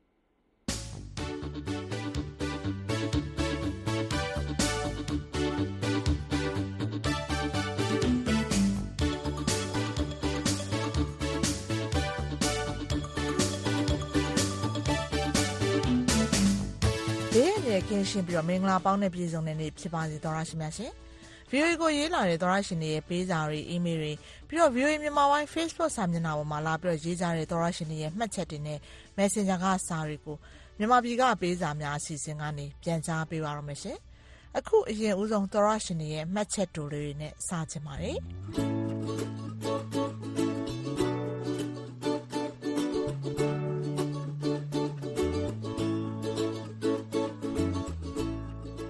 ဇင်မာလှိုင်ဆိုတဲ့သောရရှင်ကမင်္ဂလာပါ VOA ရှင်တဲ့နေ့စဉ်နဲ့အမျှသတင်းတွေအားလုံးကိုကြိုက်ပါတယ်ဆိုပြီးတော့စာရိုလေးရေးလာတာပါနောက်ထပ်စာတူတူရေးလာတဲ့သောရရှင်ညံ့ညံ့ဖြစ်ပါတယ်အခုလိုမျိုးသတင်းအစုံလင်တင်ပြပေးတဲ့ VOA ကိုအထူးပဲကျေးဇူးတင်ရှိပါကြောင်းနဲ့ဟုတ်ကဲ့ပါအခုလိုမျိုးနားဆင်ကြည့်ရှုအားပေးကြတဲ့သောရရှင်တွေအားလုံးကိုလည်းအထူးကျေးဇူးတင်ပါတယ်ရှင် VOA ကနေအစီအစဉ်တွေထုတ်လွှင့်ပေးဖို့တောင်းဆိုလာကြတဲ့သောရရှင်တွေစာတွေကိုဆက်ပြီးတော့ဖော်ပြပေးခြင်းပါတယ် Greetings from Taiwan ဆိုပြီးရေးလာတဲ့သောရရှင်မောင်ကျော်မိုးကတော့ဟိုးငယ်စဉ်အခါကတည်းက VOA ကိုနားထောင်ခဲ့သူဖြစ်ပါတယ်။အဖေကရေဒီယိုဆက်သွယ်ရေးလုပ်ခဲ့သူဆိုတော့သူနားထောင်တိုင်းကိုပါလိုက်နားထောင်ဖြစ်ပါတယ်။တခုလောက်တောင်းဆိုပါရစေခင်ဗျာ။အခုနှစ်2024ခုနှစ်က El Nino ရာသီဥတုဖြစ်တယ်။ El Nino ဆိုတာဘာလဲ။ဘာကြောင့်ဖြစ်တာလဲ။ဘလို့အကျိုးသားမှုတွေရှိနိုင်တယ်လဲ။ ဘာတွေပြင်ဆင်ထားတဲ့တယ်လဲဆိုတာတွေပြည့်ပြည့်စုံစုံလေးတင်ပြပေးစီလိုပါတယ်။မြန်မာပြည်သူတွေလည်းသိရှိအောင်လို့ပါ။ကျေးဇူးအထူးတင်ရှိပါတယ်ခင်ဗျာ။ဦးကျော်စံသားနဲ့တကွ VOA ဝိုင်းတော်သူဝိုင်းတော်သားအားလုံးကျမ်းမာချမ်းသာကြပါစေခင်ဗျာ။ဟုတ်ကဲ့ပါကျမတို့စီက anti dot ခင်မျိုးသက်အပတ်စဉ်တောက်ကြနေတိုင်းတင်ဆက်ပေးနေတဲ့သိပ္ပံနဲ့ဤပညာအစီအစဉ်မှာဒီအစီအစဉ်လေးကိုထုတ်လွှင့်ပေးဖို့ပြောလာတယ်ထင်ပါတယ်နော်သူတခါလဲဒီရာသီဥတုနဲ့ပတ်သက်ပြီးတော့လွန်ခဲ့တဲ့တစ်နှစ်နှစ်နှစ်လောက်တုန်းကထုတ်လွှင့်ပေးခဲ့တာရှိပါတယ်ရှင် အခုလည်းသူ့ကိုပြောလိုက်ပါမယ်လောလောဆယ်သူထိုင်းမှာတာဝန်နဲ့ရောက်ရှိနေပြီးတော့ဒီနှစ်ကုန်ကြမှာပြန်လာမှာဖြစ်ပါတယ်နော်နောက်တစ်ခုကပတ်ဝန်းကျင်ထိန်းသိမ်းရေးကဘာကြီးပူနွေမှုဒါတွေနဲ့ပတ်သက်ပြီးတော့ကျမတို့အပတ်စဉ်အစီအစဉ်အသစ်တစ်ခုထုတ်လွှင့်ပေးနေပါတယ်နော်တဘာဝပတ်ဝန်းကျင်နဲ့ပတ်သက်ပြီးတော့နန်းလောင်ကအပတ်စဉ်အစီအစဉ်ထုတ်လွှင့်တင်ဆက်ပေးနေတာဖြစ်ပါတယ်ရှင်ရုပ်မြင်သံကြားနဲ့လည်းကြည့်ရှုလို့ရတယ်လို့မျိုးရေဒီယိုကနေပြီးတော့လည်းနားဆင်လို့ရပါတယ်ရှင် ဟိုးရင်တော့ထုတ်လွှင့်ပေးခဲ့တာကိုကျွန်မပြန်ရှာလို့ရရင်လည်း link လေးပို့ပေးပါမယ်နော်အစီအစဉ်တွေကိုနားဆင်အားပေးတဲ့အတွက်အထူးကျေးဇူးတင်ပါတယ်နောက်ထပ်သောရရှင် VOA ကနေထုတ်လွှင့်ပေးဖို့တခုတောင်းဆိုလာတဲ့သောရရှင်ကလည်းစာရေးနေကြသောရရှင်ဖြစ်ပါတယ်ရှင်မင်္ဂလာပါ VOA ကမ္ဘာသတင်းမြမသတင်းမှန်တွေသိရဖို့ VOA ကိုအားပေးနားဆင်လာတာရေဒီယိုလေးတောင်ခိုးနားထောင်ရတဲ့ခေတ်ကျွန်တော်ခြာထိတ်အရွယ်ငယ်ကလေးကအဘနိုင်ငံရေးတပါးကြီးနဲ့အတူမိသားစုတွေဝိုင်းဖွဲ့ပြီးနားဆင်လာတာအခုအထိပါ အဘကအသက်82နှစ်ရွှေဝါရောင်တော်လေးမတိုင်မီ2006ခုနှစ်မှာကွယ်လွန်သွားတာအခုဆို18နှစ်ရှိပါပြီတေးသချင်းတောင်းစာတစ်ခါမှမရေးဘူးအခုတော့ရောင်နီသန်းလို့ပန်းဝင်ကန်ဒီအမောပန်းရဆုံးအချိန်မို့ပြည်တွင်းပြည်ပရောက်မြန်မာပြည်သူတိုင်းရင်းသားညီနောင်သွေးချင်းတွေအားလုံးနဲ့အတူရွာမှာကြံနေခဲ့တဲ့အကိုတွေအမတွေတရွာလုံးအတွက်ရောတိုက်ပွဲဝင်နေကြတဲ့ညီငယ်ညီမငယ်ရဲဘော်ရဲဘက်လှုပ်ဖော်ကိုင်းဘက်တငယ်ချင်းတွေအားလုံးအတွက် စကစရဲ့905နဲ့အဝေးရောက်နေတဲ့ကျွန်တော်ကခိုင်ထူးတီဆိုထားတဲ့အားလုံးကိုကြော်ဖြတ်ရမယ်တခြင်းလေးထုတ်လွှင့်ပေးဖို့မဟိတနာကျော်ကိုလေးစားစွာတောင်းဆိုအပ်ပါတယ်ခင်ဗျာဖုန်းလိုင်းတွေဖြတ်တောက်ခံထားတဲ့နေရာတွေကျွန်တော်တို့ရွာအပါဝင်ရေဒီယိုနားထောင်ကြပါတယ်ငါးမြင်းဆောင်စကိုင်းသားကိုလေးခွန်ကျော်စောပါတဲ့ကွယ်လွန်သွားတာ18နှစ်ကြာပြီဖြစ်တဲ့အပနိုင်ငံရေးသမားကြီးနဲ့အတူ VOA ကိုတူတူဟိုးရင်တွေကနားဆင်ခဲ့ပါတယ်ဆိုတော့သောရရှင် တငယ်ချင်းအားလုံးအတွက်တချင်းလေးတစ်ပုတ်တောင်းလာတာဖြစ်ပါတယ်ခိုင်ထူးရဲ့အားလုံးကိုကြော်ဖြဲရမယ်ဆိုတဲ့တခြင်းလေးထုတ်လွှင့်ပေးပါတယ်ဟုတ်ကဲ့ပါရှင်အရင်တော့ဆိုရင်တော့ကျမတို့ဒီတခြင်းခန္ဓာဆိုပြီးတော့ကျမတို့မြန်မာပြည်ကပေးစာများအစီအစဉ်နောက်ဆုံးမှာတခြင်းလေးတစ်ပုတ်အမြဲတမ်းထုတ်လွှင့်ပေးပါတယ်နော်အခုနောက်ပိုင်းတော့ကျမတို့ဒီမြန်မာနိုင်ငံအရေးကိစ္စတွေလည်းဒီသတင်းတွေထုတ်လွှင့်ဖို့ပိုများလာတယ်အစီအစဉ်တွေလည်းပိုကြက်လာတာမလို့ဒီတခြင်းအစီအစဉ်လေးကိုကျမတို့ဖြုတ်ထားပါတယ် ဒီနေရာမှာကျမတို့နောက်ထပ်တချင်းထုတ်လွှင့်ပေးတဲ့နေရာမှာကျမတို့နောက်ထပ်အစီအစဉ်သစ်တွေအစားတိုးပြီးတော့ထုတ်လွှင့်ပေးနေပါတယ်เนาะဒါကြောင့်မလို့ဒီစာလေးကိုတော့ကျမဖော်ပြပေးလိုက်တာကဒီသောရရှင်တောင်းဆိုသလိုမျိုးအားလုံးလဲအဆုတောင်းလေးကိုအားလုံးကြားသိအောင်လို့ဖြစ်ပါတယ်ရောင်နီတန်းလို့ပန်းဝင်ခံနေအမောပန်းဆုံးအချိန်မှာအားလုံးကိုကြော်ဖြတ်ရမယ်ဆိုတဲ့တခြင်းလေးနဲ့အဝေးကနေပြီးဒီသောရရှင်ဆုတောင်းပေးလာတာဖြစ်ပါတယ်ရှင်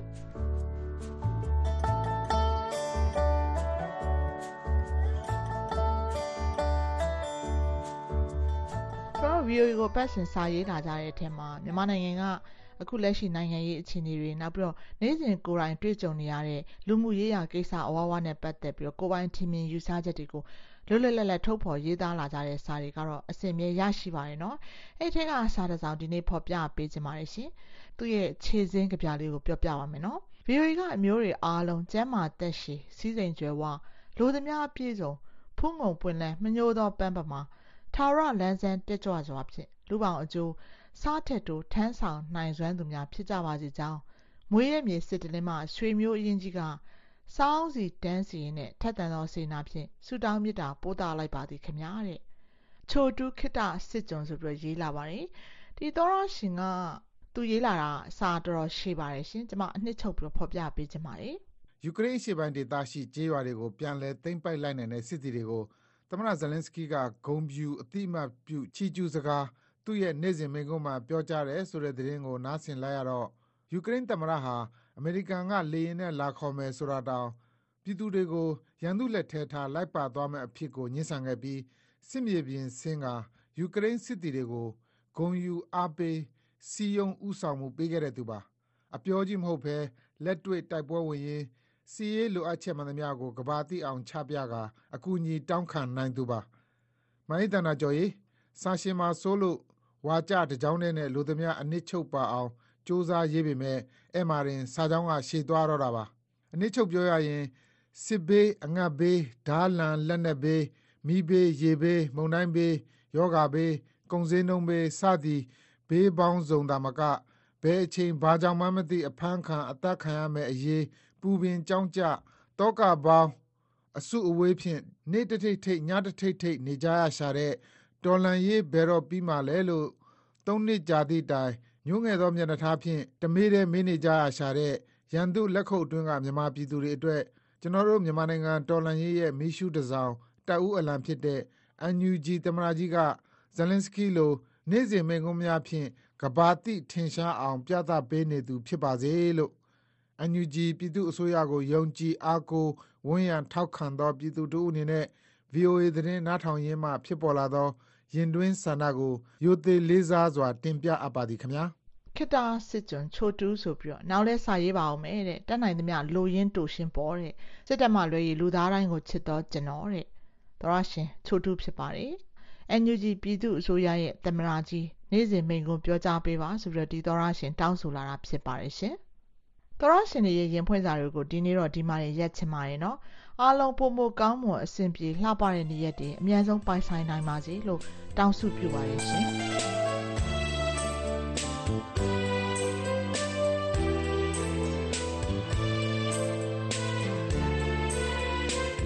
ကျမတို့ VOA မြန်မာပိုင်းရဲ့ရုပ်မြင်သံကြားနယ်ရေဒီယိုစီစဉ်တင်ဆက်မှုတွေနဲ့ပတ်သက်ပြီးတော့အကြံပေးဝေဖန်ခြင်းနဲ့ ပြီးတော့ကိုယ်တိုင်တွေ့ကြုံနေရတဲ့ဖြစ်ပျက်တွေနိုင်ငံရေးအခြေအနေတွေနဲ့ပတ်သက်ပြီးတော့ကိုယ်ပိုင်ထင်မြင်ယူဆချက်တွေရင်ဖွင့်စာတွေရေးစင်ကြတယ်ဆိုရင်တော့ကျမတို့ VOA ကိုစာရေးသားဖို့ဖိတ်ခေါ်ပါရနော်။ email ကနေစာရေးမယ်ဆိုရင် bami@voanews.com ကိုမြန်မာပြည်မှပေးစာများအစီအစဉ်ဆိုပြီးတော့ရေးသားပေးပို့နိုင်ပါတယ်။ Facebook အသုံးပြုတဲ့သူတွေအနေနဲ့လည်း VOA Burmese News ဆိုတဲ့ VOA မြန်မာပိုင်းရဲ့ Facebook စာမျက်နှာကိုတွားပြီးတော့မှတ်ချက်တွေလာပြီးတော့ရေးနိုင်တယ်လို့ VOA မြန်မာပိုင်း Facebook Messenger ကနေပြီးတော့လည်းစာရေးပို့လို့ရပါတယ်။သောရရှင်တွေစီကတုံ့ပြန်အကြံပြုလာမှာတွေကိုစောင့်မျှော်ကြိုးစွနေပါတယ်ရှင်။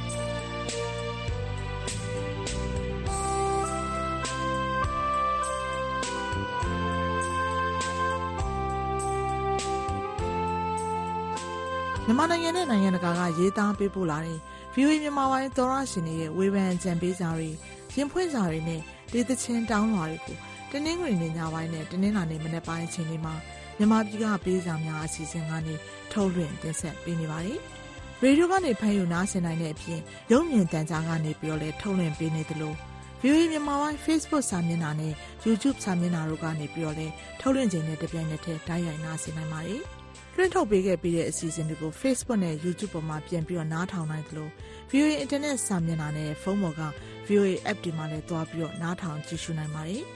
ကျမတို့ရဲ့ VOA App နာမည်က VOA Burmese ဖြစ်ပါတယ်။ကျမတို့ရဲ့ Internet စာမျက်နှာလိပ်စာက burmese.voanews.com ဖြစ်ပါတယ်။ကျမအေးသနာကြပါ VOA ကိုလည်းစာရေးကြပါအောင်နော်။သောရရှင်တွေအားလုံးဘေးရန်တွေရဲ့ကင်းရှင်းရွှင်လန်းချမ်းမြေ့ကြပါစေရှင်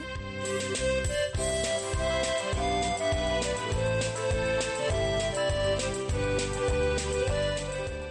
ဒါကတော့ မအိသနာကျော် အပတ်စဉ်တင်ဆက်နေတဲ့ မြန်မာပြည်ကပေးစာ အစီအစဉ်ပါရှင်။ကျမတို့ VOA မြန်မာပိုင်းက ထုတ်လွှင့်နေတဲ့ အစီအစဉ်တွေနဲ့ ပတ်သက်လို့ ဝေဖန်အကြံပေးကြတဲ့အတွက်လည်း ကျေးဇူးထူးတင်ပါတယ်။အခုတော့ ကမ္ဘာတလွှား ထူးခြားဆန်းပြသတင်းတွေကို ကြည့်ရှုနားဆင်ကြရအောင်ပါ။ American ပြည်ထောင်စု မြောက်ကယ်ရိုလိုင်းနားပြည်နယ်က ငါးပြတိုက်တစ်ခုမှာ ငလိပ်ကျောက်မကြီးတစ်ကောင်ဟာ သားဖောက်ဖော်မရှိဘဲ ကိုယ်ဝန်ရှိသွားပါတယ်။ ကိုဆိုဗိုနိုင်ငံက ကြက်အမဲတစ်မျိုးဟာ ထူးခြားတဲ့ တွန်သံကြောင့် နာမည်ကြီး လူကြိုက်များလာနေပါတယ်။ဒီလို ထူးခြားဆန်းပြသတင်းတွေကို ကိုငြိမ်းချမ်းနဲ့အတူ မခင်ဖြူထွေးက ပြောပြမှာပါ။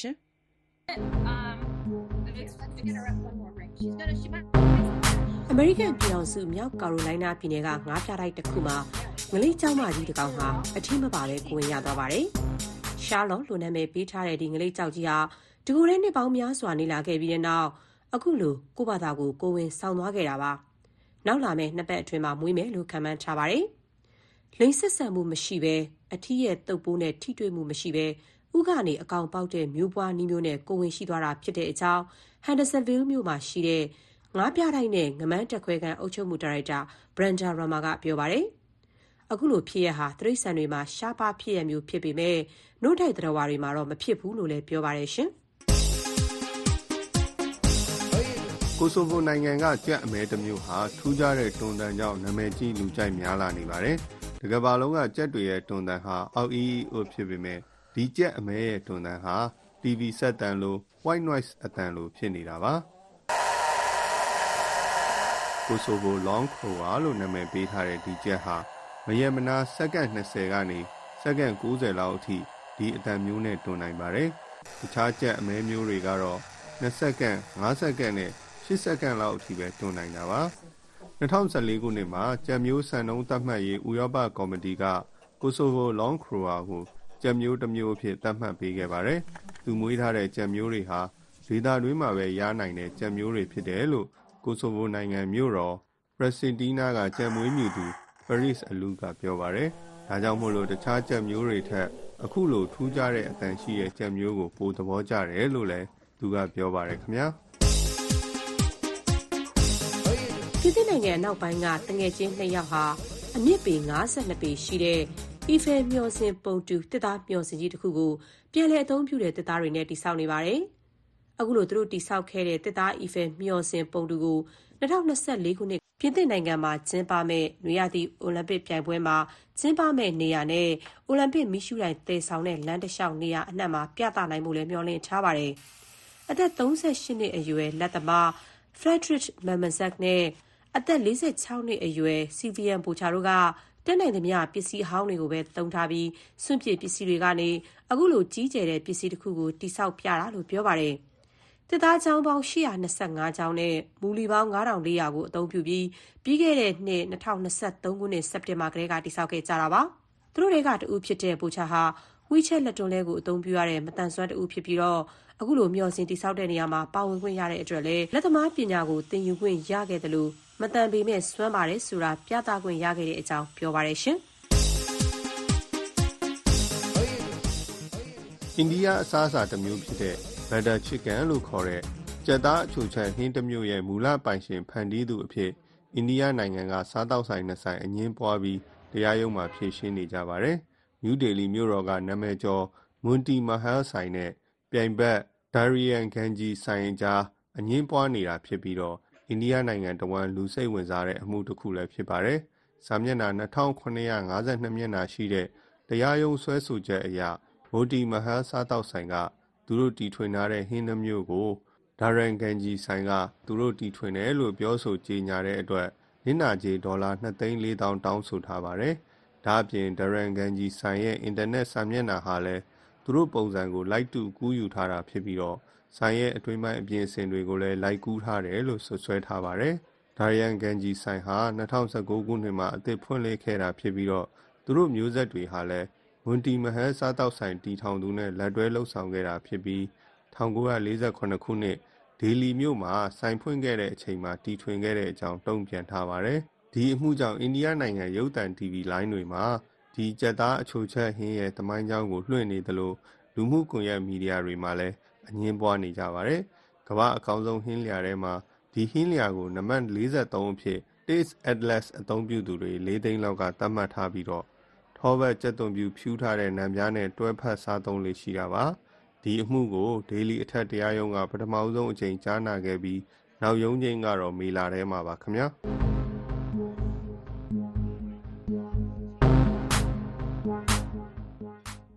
ဒါကတော့ ဒီတပတ်အတွက် ထူးခြား ဆန်းများသတင်းတွေကို ကိုငိမ့်ချမ်းနဲ့မက်ခင်ဖြူထွေးတို့က ပြောပြသွားတာပါ။အခုတော့ သတင်းအကျဉ်းချုပ်ကို ကိုအောင်လွင်ဦးက ပြောပြမှာပါ။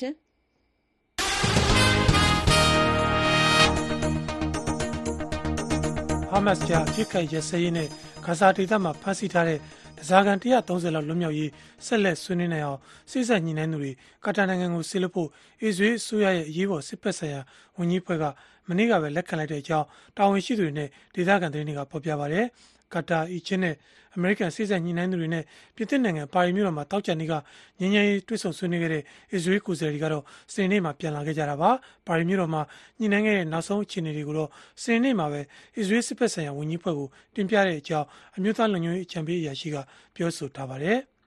ယူကရိန်းနဲ့နှစ်နှစ်ကြာစစ်ပွဲမှာရုရှားစစ်တပ်ကတပ်ဖွဲ့ဝင်အင်အား ၄သိန်း9820ဆုံးရှုံးတဲ့အကြောင်းယူကရိန်းစစ်တပ်ကဒီနေ့ပဲပြောလိုက်ပါတယ်။လွန်ခဲ့တဲ့24နာရီအတွင်းမှာပဲရုရှားတပ်ဖွဲ့ဝင်819ယောက်ဆုံးရှုံးခဲ့ကြောင်းလည်း Facebook လူမှုကွန်ရက်ကသတင်းထုတ်ပြန်ချက်မှာဖော်ပြထားတာပါ။ယူကရိန်းစစ်တပ်ရဲ့ထုတ်ပြန်ချက်နဲ့ပတ်သက်လို့ရုရှားကတစုံတရာမှတ်ချက်ပေးတာတော့မရှိသေးပါဘူး။ဒီနေ့တနင်္ဂနွေနေ့မှာပဲယူကရိန်းနိုင်ငံနေရာတော်တော်များကိုပစ်ခတ်ခဲ့တဲ့ရုရှားတပ်တွေရဲ့အဝေးထိန်းဒရုန်း18ခုနဲ့16ခုကိုကြားဖြတ်ပစ်ချနိုင်ခဲ့တယ်လို့လည်းယူကရိန်းလေတပ်ကပြောဆိုထားပါတယ်။ အမေရိကန်ပြည်ထောင်စုတောင်ကယ်ရိုလိုင်းနားပြည်နယ်မှာကျင်းပခဲ့တဲ့ Republican ပါတီတွင်သမ္မတလောင်းရွေးပွဲမှာသမ္မတဟောင်းဒေါ်နယ်ထရန့်ကပြိုင်ဘက်ဖြစ်တဲ့ကုလသမဂ္ဂဆိုင်ရာတာမတ်ကြီးအောင် Nikki Haley ကိုအနိုင်ရသွားပါတယ်။အုပ်ချုပ်ရေးမှူးဖြစ်တာဝန်ယူခဲ့မှုတဲ့တောင်ကယ်ရိုလိုင်းနားပြည်နယ်မှာအရေးနှိမ်သွားတဲ့တာမတ်ကြီးအောင် Haley ကတော့သမ္မတလောင်းရွေးပွဲမှာဆက်လက်ရှင်ပြိုင်မှုလဲဆုံးဖြတ်ထားပါတယ်ခင်ဗျာ။ ကျေးဇူးပါရှင်။သတင်းအချင်းချုပ်ကိုကိုအောင်လွင်ဦးကပြောပြသွားတာပါ။ဒီနေ့ညအတွက်စီစဉ်ထုတ်လုပ်ရေးမှုကတော့ကိုရန်နိုင်ပါရှင်။အတန်ဖန်အင်ဂျင်နီယာကတော့စာဟီဒါဖြစ်ပြီးတော့ရုပ်သံအင်ဂျင်နီယာကတော့ Helen Cordian ဖြစ်ပါတယ်။ VOA မြန်မာပိုင်းအစီအစဉ်က ထုတ်လွှင့်နေတဲ့ဒီအစီအစဉ်တွေကို website စာမျက်နှာဖြစ်တဲ့ burmese.voanews.com မှာလည်း အချိန်မရွေး နားဆင် ကြည့်ရှုနိုင်ကြပါတယ်ရှင်။ VOA က ထုတ်လွှင့်နေတဲ့ အစီအစဉ်တွေကို နားဆင်ကြည့်ရှုကြတဲ့ ကမ္ဘာတလွှားက သောရရှင်အားလုံးကို ကျေးဇူးတူးတင်ပါတယ်။ရှင်လန်းချမ်းမြေ့ကြပါစေ။ကျမအင်ဂျင်နိုင်ပါ။